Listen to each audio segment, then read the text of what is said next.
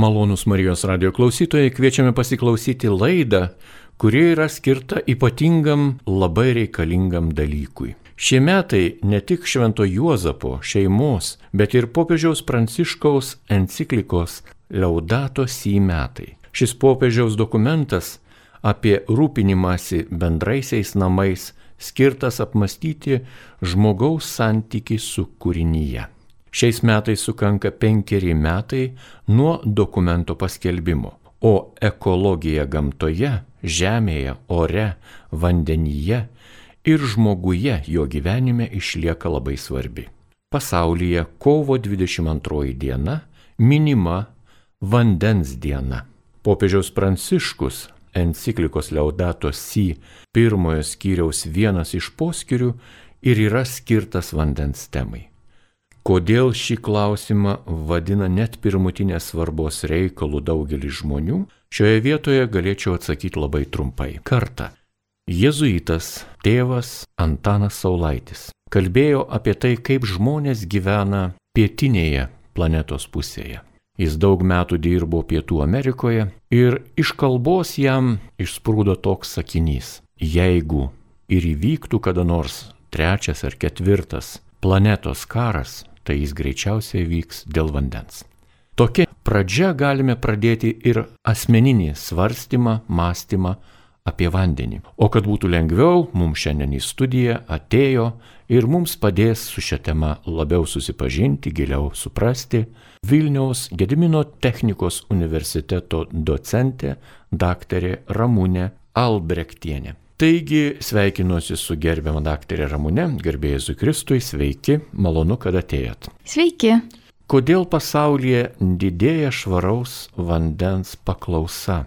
Na tikriausiai čia taip logiškai išeina, todėl kad didėja populiacija, vis priauga žmonių. Skaičiuojama, kad per 40 metų padvigubėjo populiacija, o vandens panaudojimas keturis kartus padidėjo. Tai logiškai ir gaunasi, kad to vandens poreikis vis didėja. Ta prasme, daugėja žmonių planetoje, taip? Tai daugėja žmonių planetoje, o juos aptarnauti tai taip pat ir pramonė didėja ir reikia uh, daugiau išauginti daržovių, vaisių, maisto, aprengti daugiau žmonių, tai tas vandens sunaudojimas taip ir didėja. Tokiu būdu vandens reikalas tampa vos ne pirmutiniu reikalu planetos gyventojams, taip? Tai taip, manau, vanduo tai ir yra vienas iš būtiniausių produktų, na, kaip mes be oro negalim gyventi, taip ir be vandens negalim gyventi. Na, tikriausiai daug kas žino, kad, na, be vandens negalima išgyventi na, sakoma, nuo trijų dienų iki savaitės be vandens ir, ir tai priklausomai nuo įvairiausių faktorių. Tai jau vien dėl to, kad neatsigėrė, numirtume, o dar visa kita, kas vanduo, ką sukuria ir, ir, ir palaiko, taip pat ir gamtą, ir, ir, ir augalų augimą, visiems reikia vandens, tiek medžiams, augalams, daržovėms, vaisiams, gyvūnams, gyvuliams. O taip pat pramoniai dabar irgi labai daug sunaudojama vandens, tai be vandens niekur. Pažiūrėjus į pasaulio žemėlapį, tiek nedaug yra sausumos, yra apstu vandens, nejaugi tokios vandens platybės nėra dar panaudojamos žmonijos poreikiams. Kaip jums atrodo? Taip, mes iš tikrųjų labai geras klausimas. Taip, labai teisingai, didžiąją žemės dalį sudaro vanduo, bet net 97 procentai yra surus vanduo ir tik 3 procentai yra gėlas vanduo iš tų 3 procentų gėlo vandens dar didžioji dalis, apie 70 procentų yra užšalę ledynuose. Ir kita tik dalis jau yra požeminis vanduo, paviršinis vanduo. Tai turim, na, tikrai labai nedaug to gėlo vandens, o gerti mes galime tik gėlą vandenį. Taip, dabar technologijos yra labai pažengusios ir tikrai ne viena šalis naudoja jūrų vandenynų, sūrų vandenį, aišku, negeria tiesiai to sūraus vandens, jis išvalomas, išvalomos tos druskos ir tai tikrai, na, išsprendžia geriamo vandens problemą daugelie šalių, daugelie valstybių, bet yra na, kita problema, kad ši technologija, ši vandens valymo technologija yra pakankamai brangi. Reikia labai daug elektros energijos, kad išvalyti. Na, tai yra tokios labai labai tankios membranos ir reikia labai didelio slėgio ir per tas membranas praleidžiamos tik vandens molekulės. Reiškia viskas, kitas lieka už membranos ir kad taip praleist tokias vandens molekulės per tokias mažas poras reikia labai didelių slėgių, o tam reikia labai daug elektros energijos. Tai ne visos valstybės, netokios turtingos valstybės, na ir negali sauliaisti tokios, tokių technologijų. Dar kita problema, tos druskos gaunasi, po tų technologijų susidaro daug druskos ir tas druskas gražina atgal į jūrą vandenyną, na dėl to surėja pakrantės, na, tokia ir ekologinė, kai visada atrodo kažkas gero, bet kažkas ir, ir, ir nelabai gero. Tai taip naudojam tą sūrų vandenį, bet tai yra pakankamai brangu. O kiek Lietuvoje yra aktualus švaraus ir gėlo vandens klausimas? Na, mes čia labai galim pasidžiaugti, mes kažkas yra net pasakęs labai gražią sentenciją, mes esam Gėlo vandens, požeminio gėlo vandens kuveitas. Mes turim daug ir geros kokybės požeminio vandens. Na, toks irgi čia kažkas sakė, kai Dievas dalino dovanas, vieniems davė auksą, kitiems davė naftą, o vat Lietuvai davė vandens. Tai kartais ir pagalvoja, ar čia geriau auksas, ar nafta, o gal ir vanduo. Tai kai slinko ledynai, Lietuvoje po Lietuvos dirbožėmių yra labai didžiuliai ledino, ledino klodai ir mes turim to požeminio vandens. Na, geologai sako, kad mes praktiškai išnaudojam tik 13 procentų viso turimo požeminio vandens. Kodėl mes tokie laimingi? Kad mes turim jo daug, kad jisai yra, na tikrai palyginus su paviršiniu vandeniu, yra daug saugesnis, nes jis yra giliai po žeme, po žeminio vandens klodai maždaug 40-200 metrų gilyje yra. Ir tai vėl, tai yra apsaugotas nuo taršos toks vanduo, nepatenka kažkokia ža, e, žmonių ar pramonės tarša.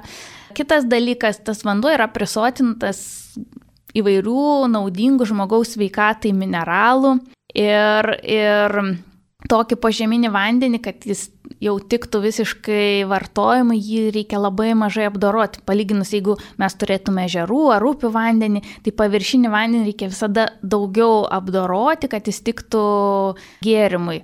Požeminis vanduo irgi yra labai apsaugotas nuo mikrobiologinės taršos. Na, bakterijos nelabai mėgsta šaltą vandenį, nes požeminis vanduo tiek žiemą, tiek vasarą jo temperatūra mažai kinta. Na, sakykime, nuo 8 laipsnių iki 12 laipsnių. Ir taip ištisus metus. Na, bakterijos nelabai mėgsta tokią temperatūrą. Taip pat, kaip ir minėjau, kažkokios taršos iki 200 metrų gilio, jeigu kažkokia ten būtų tarša paviršinė, na, tiek toli, tiek giliai nenueina ta tarša.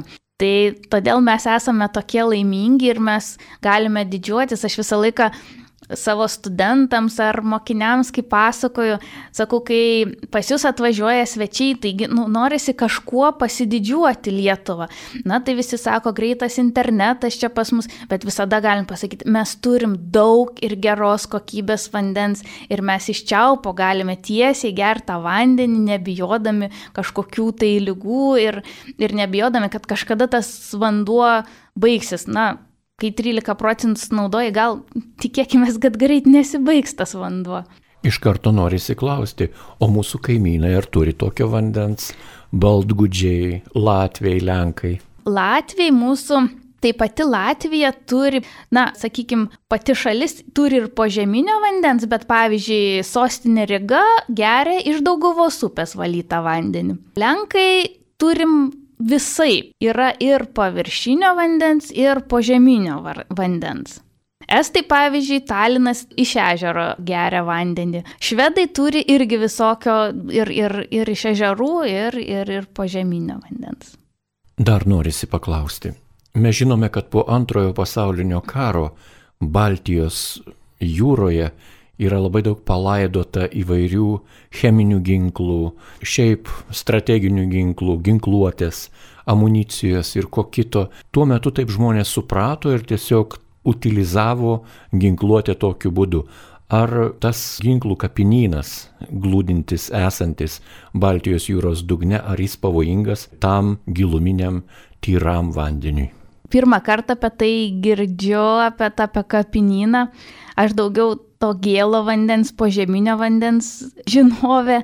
Čia gal daugiau geologai pasakytų, ar turėtų tai įtakos. Taigi tęsime laidą, kurioje kalbame apie gamtą, apie namus, apie tai, kas mums yra be galo brangu ir yra mūsų gyvybės šaltinis, kūniškos gyvybės. Kalbame šiandien, minėdami vandens dieną, apie geriamą, gėlą, tyrą vandenį, kurio Lietuvoje pasirodo yra gausybė ir apstybė ir tai teigia Vilniaus Gedimino technikos universiteto docentė daktarė Ramūnė Albrektienė. Ja kalbina Liutauras Serapinas ir tesdami laidą Popiežius pažymi, kad švaraus vandens ištekliai ateityje gali tapti vienu iš pagrindinių įvairiausių konfliktų priežasčių. Ką apie tai kalba mokslininkai? Ta mintis jau ne vienerius metus vis šmėkšteli literatūrai, kažkur tai apžvalgose, kad anksčiau, kaip sakė, karai būdavo dėl naftos, ateities karai bus dėl vandens.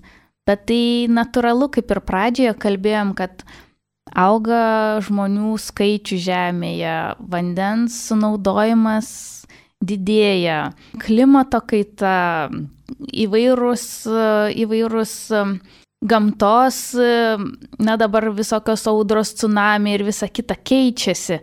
Ir to vandens mažėja, kai kurios šalis jau dabar tą jaučia sumažėjimą ir, na ir jūs įsivaizduokit, na aš naftos ten gal benzino ar kas tai susijęs su tuo, nu gal ir galim išgyventi, bet be vandens kaip ir vėl kalbėjom, nu, neišgyventume, trys dienos, savaitė ir viskas. Tai kai nebeturėsim vandens, tai net nereikės karo, neturėsi vandens ir, ir nereikės nei jokių ginklų ar kažkokių cheminių dalykų, nu tiesiog iš troškulio numirsi. Arba maistas, nu, maisto nebepasigaminsi, nebeužauginsi daržovę arba gyvulių, kurie irgi reikalingi maistui. Tai taip gali būti tikriausiai ateityje. Na, bet galbūt vandens tą deficitą galėtų kažkiek, bent trumpam, kokiai tai ekstra momentui kompensuoti augalyje, sakykime, salotos ar ką taip, labai būtiškai šeiminiškai kalbant. Bet, na, nemanau, kad salotas e, tą kompensuotų tokį kiekį vandens, kiek reiktų žmogui, nes netgi irgi gal esate girdėję, kad, nu, per dieną reiktų bent dviejų litrų vandens išgerti, kad, kad, kad būtų organizmas sveikas. Tai nemanau, kad iš salotų mums tiek užtektų. O antra, iš kur tai salotai išaukti, jeigu nebus vandens? Taip tiesa. Kaip gausus vandens vartojimas, atliekų kaupimas veikia gėlo vandens išteklius tiek pas mus Lietuvoje, tiek visame pasaulyje. Tai taip, tas teršimas ir atliekų didėjimas tikrai labai veikia gėlą vandenį. Na, čia galim labai pakalbėti, pavyzdžiui, apie tos didžiausius teršėjus.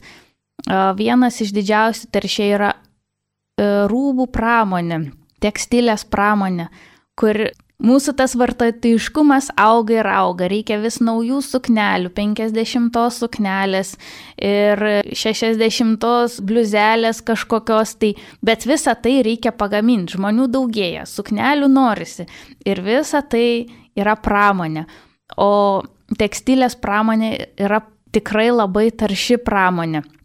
Ir visa tai, na, tos nuotekos, sakykime, po tekstilės pramonės, taigi viskas tos nuotekos teka į mūsų ežerus, upes.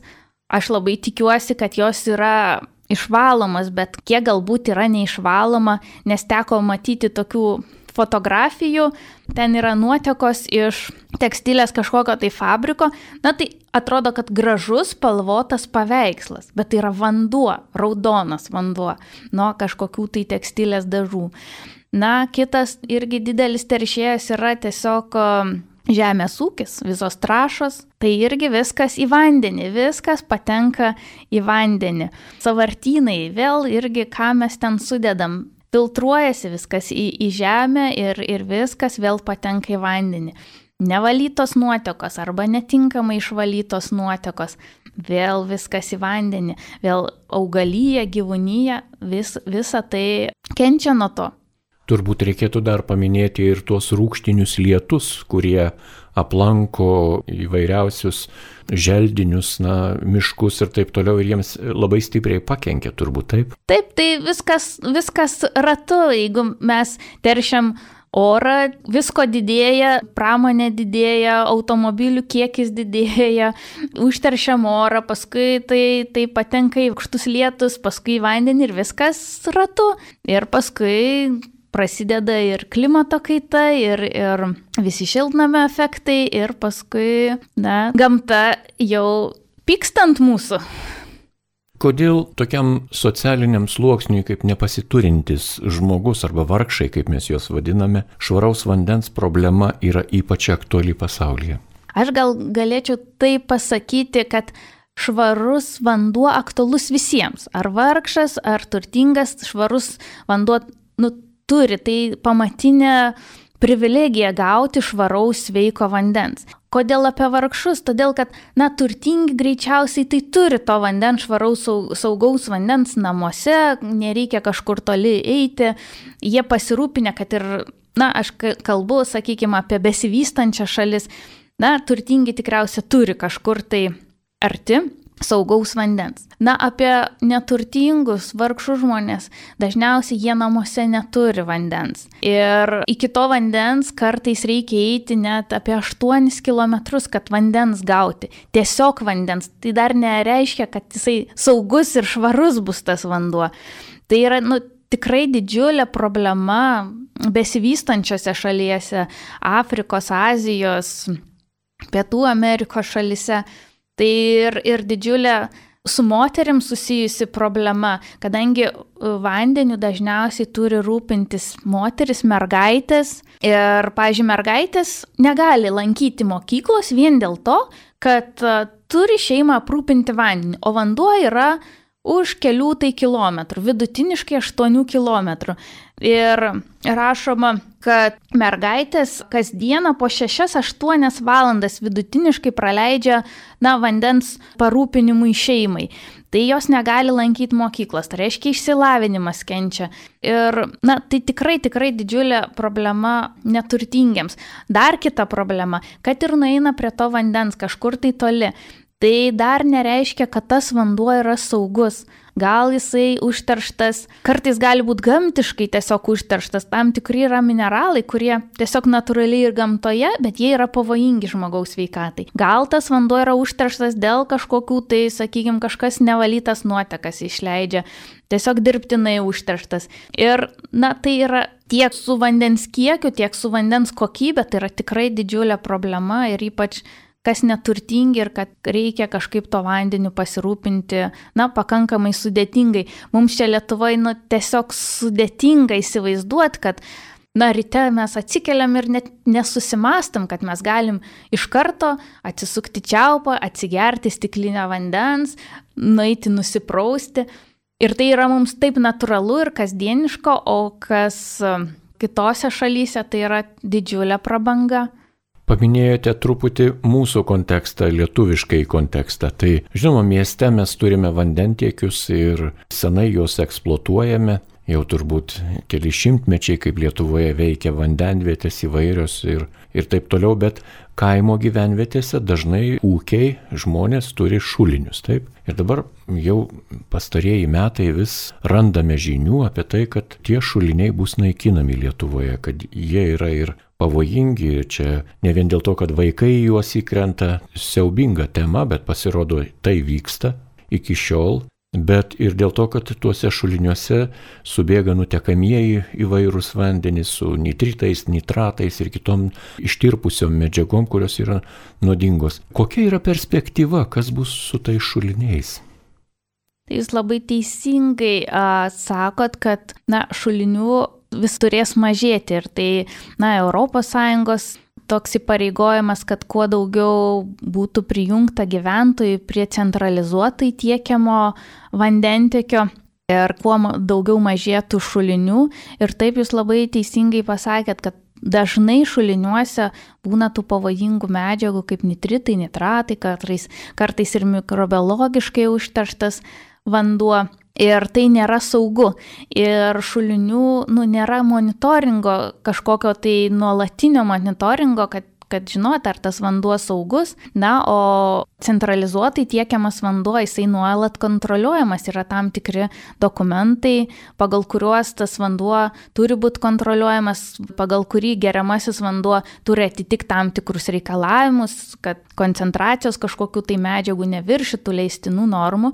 Todėl visada, kai mes imam iš vandentikio vandenį, mes galim būti tikri, kad jis yra patikrintas, kad, kad laboratorija yra atliekami tyrimai ir, ir vanduo nu, nebūtų leidžiamas jo, įleidžiamo jo gerti, jeigu jis netitiktų reikalavimų. Na, o šuliniams kaip ir nėra tokio nu, kad kažkas tikrintų nuolatos. Todėl ir, ir stengiamasi kuo daugiau, kad žmonių prisijungtų prie centralizuotai tiekiamo vandens ir išvengti tų nemalonių padarinių, dėl kurių sveikata kenčia nuo užteršto šulinių vandens.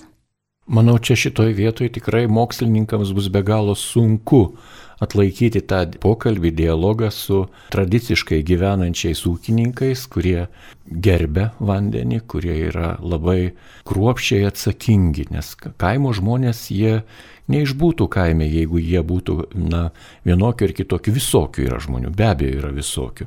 Bet didžioji dauguma Lietuvoje yra labai pareigingų žmonių ir atsakingų.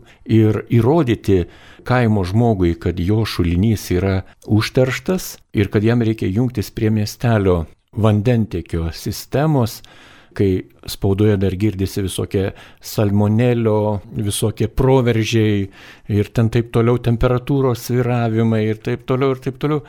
Ir tikrai paprastas gaspadorius ar gaspadinė, atsiprašau už tokį liaudišką, na, kaip sakant, terminą, sakys, ne, gal aš geriau pati pasirūpinsiu arba pats pasirūpinsiu tai, kuo aš geriu, nes pasitikėti tais valdiškais ir dar pinigus atiduoti už tai, na, netinka. Jo labiau, kad Lietuvoje to vandens tikrai, na, netrūksta. Nu, yra vietovių, kur nu, šiek tiek išsausėja ten ties raseiniais, ties šiluva, ties galbūt kaltinienais ar kur ten truputėlį daugiau būna tos sausų dienų ir ten šiek tiek žmonės skundžiasi, bet šiaip Lietuvoje vis tiek randamas tas vanduo yra. Tai kaip manote atlaikyti va tą mokslininkų ir praktinių žmonių tą kalbėjimąsi, dialogą. Taip, šita labai čia irgi gera tema, palėtėt klausimą. Taip, su tuo nuolat ir, ir man tenka susidurti, ir anksčiau teko susidurti. Kad tikrai, pavyzdžiui, močiutė atneša į laboratoriją vandenuką iš savo šulnio ir sako, va, koks mano vandenukas čia skanus, labai, labai skanu gerti. Čia ne tai, kai jūsų vanduo čia iš čiaupo surūdyjusių vamzdžių čia važiu, e, bėga ir, ir, ir padarom tyrimus, o ten nitratų tris kartus daugiau negu leistina norma. Ir čia toks psichologinis veiksnys suveikia, kad ko nematau, tai dėl to širdies ir neskauda. Nitratų nematau, bakterijų nematau, tai vanduo skanus ir sveikas. Pamatau rudą geležį, ar ten kokias kalkių nuosėdas baltas, tai o, užterštas vanduo koks baisus. Nors yra atvirkščiai geležis, nors jinai, nu, nemalonu gerti rudą vandenį, bet jinai nekenkia sveikatai. Ar kalkių nuosėdos irgi labai daug žmonių galvoja, kad, kad tai kenkia sveikatai. Tai nekenkia sveikatai, tai yra kalcis ir magnis vandenį. Bet, va, matom. O kai nitratų bakterijų nemato, tai tada labai sveika. Ir Na, aš tai kažkaip labai visada galvoju apie tai, kaip tą susikalbėti. Nu, tai yra švietimas, švietimas, švietimas. Ir aišku, labai sudėtinga žmonėms, kurie jau yra vyresnio amžiaus ir, ir nu, įrodyti, na, sakykime, na, aš kaip mokslininkė visada, nu, faktai, skaičiai, faktai ir parodyti faktais, nu, kad čia yra tų nitratų ir yra jų daugiau. Tai gal gal geriau, nu, vandenį, kur nėra tų nitratų gerti. Tai kiti supranta, kiti gal ir, ir, ir nelabai, bet, nu, aš kaip visą laiką manau, kad geriausias dalykas yra švietimas.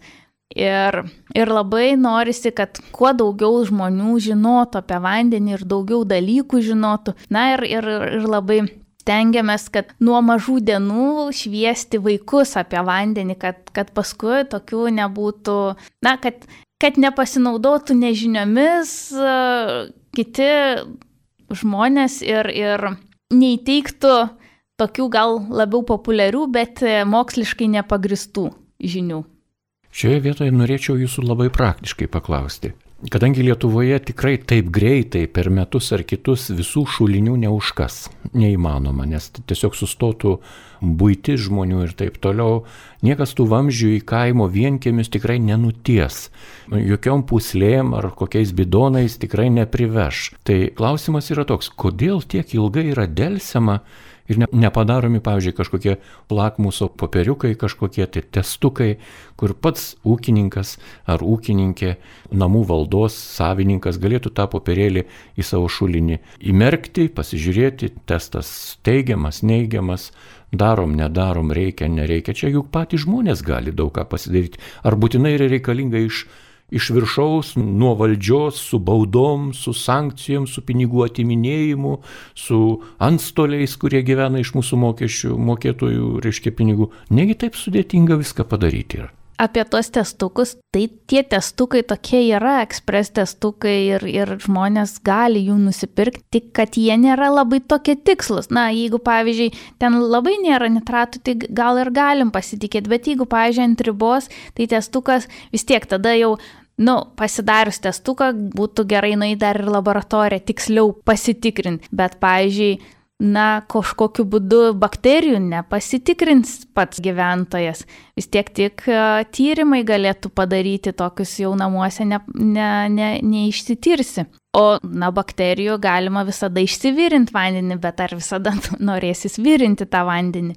Tai testukai gali kažkiek tai padėti Na, aišku, aš manau, irgi per metus niekas tikrai neprijungs ir ne, nežinau, negaliu atsakyti dėl to antstolių ar, ar, ar ten kažkas su baudom, bet, na, manyčiau, kad žmonės nu, turėtų galvoti apie savo sveikatą. Ir ne visada gal tas greitas testukas toks jau ir tikslus. Žinoma, maksimaliai mes greit nepasieksim, bet galima padėti, kad ir skurdžiau gyvenantiems žmonėms. Pavyzdžiui, man tikrai labai aktualu, kur gauti tų testukų, nes mano kaimynai neturtingi žmonės yra, jie naudoja vandenį iš šulinio ir Reikia socialinės revoliucijos, kad jie prisijungtų prie kažkokių tai tinklų savanoriškai ir ką kita. Nei jie jungsis, nei jiems aktualu, pagaliau skaičiuoja kiekvieną centą ir tikrai nesijungs, netgi ir kai, kai vers ten dar kažką, bus visokiausių istorijų. Tai gal tokiem žmonėm galima, o kur gauti tų testukų, pavyzdžiui, kažkur ieškoti priekyboje ar kaip kitaip? Visagalis internetas, kaip visada, taip. Na taip, aš dabar tiksliai tai negaliu pasakyti, aš daugiau iš tų cheminių tų parduotuvių, kur tie testukai yra, bet kur prieinama žmonėms, aš tiksliai negaliu pasakyti, nes niekada pati nesinaudau tokiais testukais. Tikrai žinau, kad jie yra, bet kur nusipirkti, negaliu pasakyti. Aš manau, kad ras tie, kurie šiuo metu klausosi laidos, kuri skirta enciklikai Laudato Si, Tai gamta mūsų namai, mūsų tikrieji namai, kad mes esame tiesiogiai atsakingi už tai, kokį geriame patys vandenį ir kokį gers mūsų vaikai bei anūkai. Niekas kitas nepasirūpins mūsų anūkų vandeniu, kaip mes patys. Tikrai tai yra tiesa. Labai dėkoju Jums, gerbiama Ramūnė, už pasakojimą. Liko dar keletas minučių laidoje. Kodėl žmonijai svarbus yra ekologinio tokio, na, įsivertinimo arba atsivertimo, netgi galima toks krikščioniškas žodis, atsivertimo klausimas. Labai gražiai skambant, imt naudo, o po manęs nors ir tvanas. Tai man čia atrodo, kad nu, mes negimėm vien tik tai imti ir vartoti, mes gimėm ir kažką duoti, kažką gerą. Na kažkaip tai galvam, kad vat, oras galim imti, medžius galim naudoti, žemę galim naudoti, vandenį galim vartoti, bet ką mes padarom, kad tai išsaugot, kad, kad tai padaryt, kad būtų geriau, ar kartais pagalvojam, kad o kaip mūsų vaikai gyvens, tai manau, kiekvieno sąmoningo žmogaus toks turėtų būti galvojimas, na ką aš galiu padaryti šiandien, kad rytoj būtų geriau kokį mažą darbelį galiu padaryti. Na, kartais girdžiu, ai, nu tai kam čia daryti, vis tiek kiti tai nedaro taip. Nu, bet gal nuo savęs geriau pradėti. Na gerai, šiandien surušiuokim, pradėkim rušiuoti šiukšlės arba nebenaudokim plastikinių maišelių.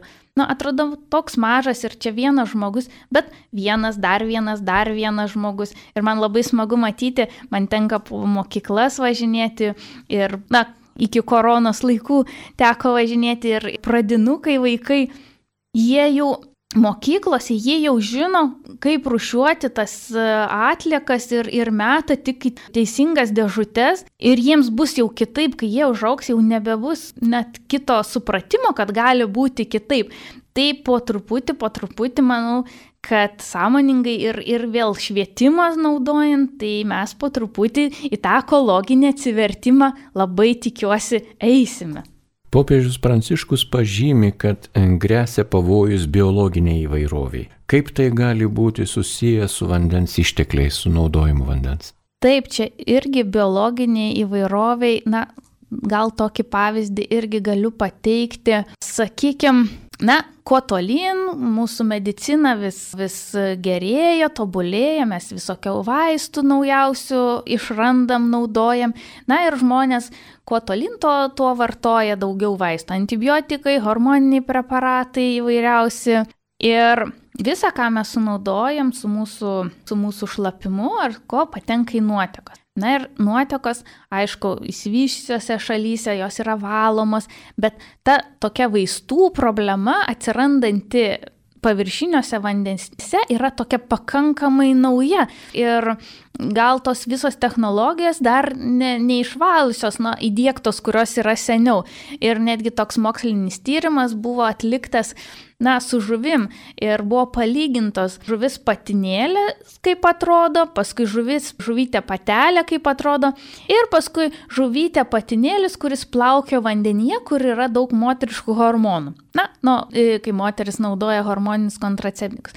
Ir pastebėta, kad ta žuvytė patinėlis Na, jis labai keičia išvaizdą, jis labiau panašus į patelę, nei į patinėlį. Tai va, to, tas Tai irgi tai tie užterštumai irgi veikia kaip aplinka ir, na, irgi gyvas, gyvas toks pavyzdys, man teko būti Kipre.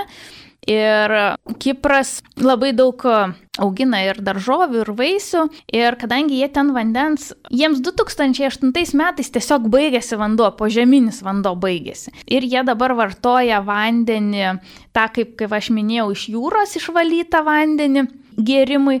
Na ir tai yra, kadangi brangus vanduo laistimui, jis jau nenaudojamas. Ir laistimui naudoja išvalytas nuotekas. Na, tai įsivaizduokit, išvalytos nuotekos tai yra, nu, normaliai, kaip ir, ir Vilniui išleidžia į nerį išvalytas nuotekas. Normalus vanduo, kuris ne, ne žmogui, bet gamtai tinka. Ir nustatė, kad tos išvalytose nuotekose randa antibiotikų. Na ir antibiotikais tai negali laistyti augalų, paskui žmonės valgys. Tai jie irgi tuo metu, kai buvau, kai buvo, buvo na, mokslinių tyrimų lygmenį, kaip, kaip tuos nuo, antibiotikus išvalyti ir labai tokia įdomi technologija. Kipras turi labai daug saulės per metus, ten jie 350 dienų, sakė, turi. Tai pasinaudoja tiesiog saulę, tai ką turi, reiškia ant tokio veidrodinio paviršiaus iš, išraityti stikliniai vamžiai, tos stiklinius vamzdžius įpila tų išvalytų nuotekų ir 3 valandas palaiko ant saulės šviesos, ultravioletiniai spinduliai paveikia tas nuotekas ir suskaido tuos antibiotikus. Tai va čia tokia iš įdomesnių, kaip, kaip panaudojama netgi saulė ir kaip galima išvalyti vandenį. Kaip žmonės galėtų bendrai labiau atsiliepti į popiežiaus pranciškaus dokumentą Laudato Si ir prisidėti prie vandens tausojimo? Tai jeigu bendrai, na, pasauliniu lygiu, tai aš galvoju visada pagalvoti apie to vandens naudojimą. Na irgi yra, aš dabar gal skaičių nepasakysiu, bet yra uh, palyginimas, kiek vienas amerikietis sunaudoja per dieną vandens ir koksai žmogus iš Afrikos. Tai yra, nu, didžiuliai skirtumai. Ir tas, tas, na, sakykime, amerikiečio, tai ir baseinas, tai ir, ir ten žolytės laistimas didžiulio kiemo ir, ir prausimasis netausojant vandens ir, ir įvairiausių, įvairiausių dalykų. Tai irgi visokių yra ir paskaičiavimų, kiek, kiek vat, sakoma, kad e, nusipraus po dušu reikia leisti vandenį tiek, kiek nus, e, per kiek nuskamba tavo mėgstamiausia daina. Nu, ne playlistas valandos, o yra 2-3 minutės. Ir, ir va taip tausoti. Arba, na, kai kuriuose šalyse, sakykime, netgi yra draudžiama laistyti ar, e, ar plauti mašinas dieną, nes, na, tai saulė išgarina tą vandenį, reikia arba ryte, arba, arba vakare. Ir tai yra netgi nurodyta, kiek galima e, laistyti ar ten plauti mašinas. Tai tas, na, skaičiavimas vandens, ne, ne, nenaudojimas e, per daug to vandens.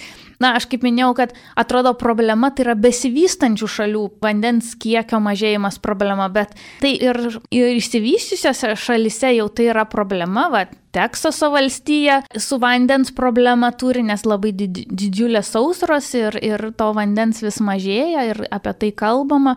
Tai, tai tikrai uh, tas tausojimas, o kita pusė tausojama ta vandens kokybės, kad mažiau teršti, kad mažiau, na, aš visą laiką apie tą, kadangi rūbų pramonė labai yra tarši pramonė, tai, nu, ar tikrai reikia mums 50 suknelės su vat raudonai žirniukais, turiu su juodais ir su žaliais, bet dar man reikia su raudonai žirniukais tos suknelės. Ir ar jūs žinot, kiek, pavyzdžiui, žmogus paskaičiuota pasauliniu lygiu, vidurkis čia ir vyrų, ir moterų, kiek kartų žmogus apsirenka rūbą nuo nusipirkimo iki išmetimo. Vidurkis. Skaičiai tiesiog įspūdingi. Tik septynis kartus. Tai įsivaizduot, kiek reikia rūbų pagaminti, kad tokį poreikį e, žmonių patenkinti. Ir visa tai į, į taršą, į, į vandenį. Gerbiamo daktarė Ramūnė, čia žinoma ir bravūriškai galima pakalbėti. Tai gal nenusirengia, tiesiog kaip apsivilko, taip ir nešioja. Tai septyni kartai ir gaunasi, tai per, per dešimt metų.